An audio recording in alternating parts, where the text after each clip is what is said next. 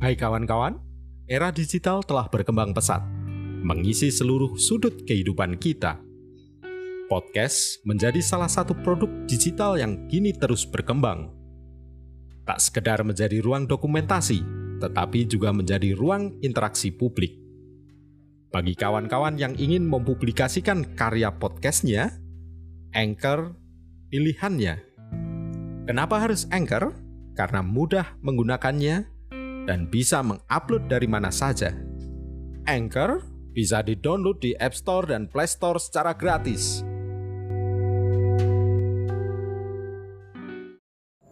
Hai pendengar semua, salam Kobis Merajut Sastra. Pada Ramadan 2022 kali ini, Kobis Merajut Sastra akan menemani kalian dengan rangkaian cerpen selama sebulan penuh. Setiap cerpen akan dibuat berseri dalam 2 sampai 3 bagian. Tujuannya agar pendengar tetap bisa mendengarkan kisah-kisah sastra di sela-sela rangkaian ibadah Ramadan. Selamat mendengarkan.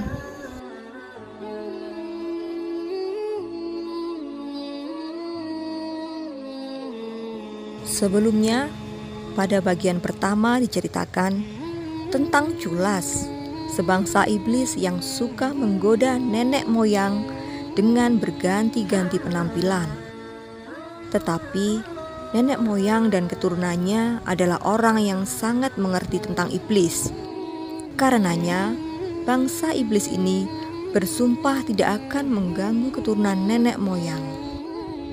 Lantas, apakah iblis itu tidak mengingkari sumpahnya? Kita ikuti saja cerita selanjutnya.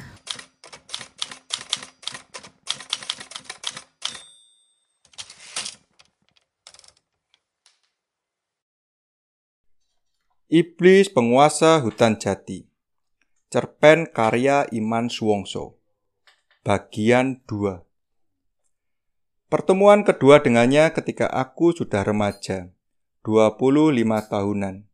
Ia masih berwujud perempuan. Bertemu dengannya tidak di hutan jati, tapi ia datang ke rumahku, ke pedalaman kamarku. Saat aku terlentang memandang buram langit-langit menjelang petang, ia mengetuk pintu kamar. Aku merasa aneh dengan ketukan ini. Biasanya keluargaku tak pernah ketuk pintu segala kalau mau masuk kamarku, nyelonong saja. Jadi aku baru membuka pintu setelah ketukan ketiga kalinya.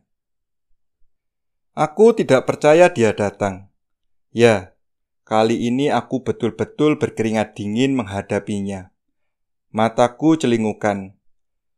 Cula segera masuk, menyelinap, dan mendorongku segera menutup pintu. Di dalam kamar berdua. Meskipun dia iblis, tapi perempuan yang... Ah, remajaku meremang. Aku hampir menubruknya. Kalau saja tidak tiba-tiba wajahnya memancarkan penderitaan. Jadinya aku pegang saja tangannya. Ada apa? Ia tidak terisak. Air matanya meleleh di pipi, jatuh berkilap di ujung kuku ibu jari kaki. Oh, jangan kau pendam sendiri penderitaanmu, perempuan cantik. Aku merajuknya untuk bicara. Mengapa begitu menderita? Bukankah iblis bisa mengatasi segalanya? Pastilah ini bukan tipu daya. Kami kedatangan musuh, katanya. Air matanya ia seka dengan punggung tangan. Musuh? Kau punya musuh? Aku bodoh. Tentu saja, kami dilahirkan sudah punya musuh. Manusia bukan? Ia mengangguk. Culas bercerita Malam tiga hari yang lalu, hutan jati didatangi tiga manusia. Tanpa bisa dicegah, mereka menebarkan mantra-mantra. Begitu dasarnya mantra itu yang diramu dari tiga dengus nafas, digetarkan dari tiga bibir, dikendalikan dari tiga naluri yang berbeda namun semua memiliki ketajaman yang seimbang. Culas dan kerabatnya tidak bisa menangkal Mereka blingsatan. Seluruhnya segera takluk. Hanya tinggal culas bertahan memeluk pohon jati. Satu-satunya pohon jati di hutan jati. Tempat tinggal culas.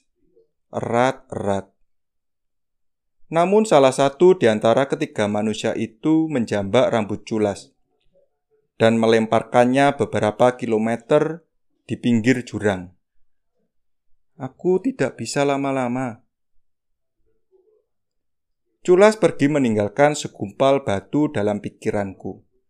Menggelisahkan aku sepanjang malam. Mengapa juga memikirkan iblis? Tapi tidak, teman tidak mengenal bangsa. Esok siang, aku pergi ke hutan jati tidak mencari rencek lagi, hanya menengok culas. Dari ujung desa aku mendengar suara mesin yang ramai di hutan sana. Apalagi ini? Di perbatasan desa dan hutan jati, persis di titik dulu culas mengantarku sehabis mencari rencek, aku berhenti sejenak. Dari tempat ini, dari sela-sela pohon yang berdiri, aku menyaksikan pohon-pohon bertumbangan. Suara mesin senso mengiang mengusir suara merdu burung-burung. Ada dua bego dan dua bulldozer parkir di tanah lapang. Uh, hutan ini segera rata. Pikiranku segera keculas. Betul, pohon jati besar aku tidak menemukan culas lagi. Kerabatnya juga tak aku temukan jejaknya. Aku segera ke jurang yang kemarin diceritakan Culas. Aku tahu di mana letak jurang itu. Aku telusuri bibirnya. Di dekat rumpun bambu aku temukan Culas. Ia merintih, rintiannya berkejaran dengan suara mesin gergaji. Tubuhnya memar kakinya mengangkang, tangannya merentang. Katanya, sepulang dari tempatku ia kepergok tiga manusia yang pernah melemparkannya. Lantas ia diikat, diseret, dan dipasak di tebing ini. Aku tak bisa ke mana-mana, hanya di sini. Pohon-pohon tempatku berayun telah lenyap tak akan ada lagi rencek yang bisa dipungut anak-anak. Pada semburat merah senja aku memandang wajah culas. Terbayang kisah leluhurku. Iblis yang menguasai hutan jati itu. Aku tidak terisak. Air mataku meleleh di pipi, jatuh berkilap di ujung ibu jari kakiku.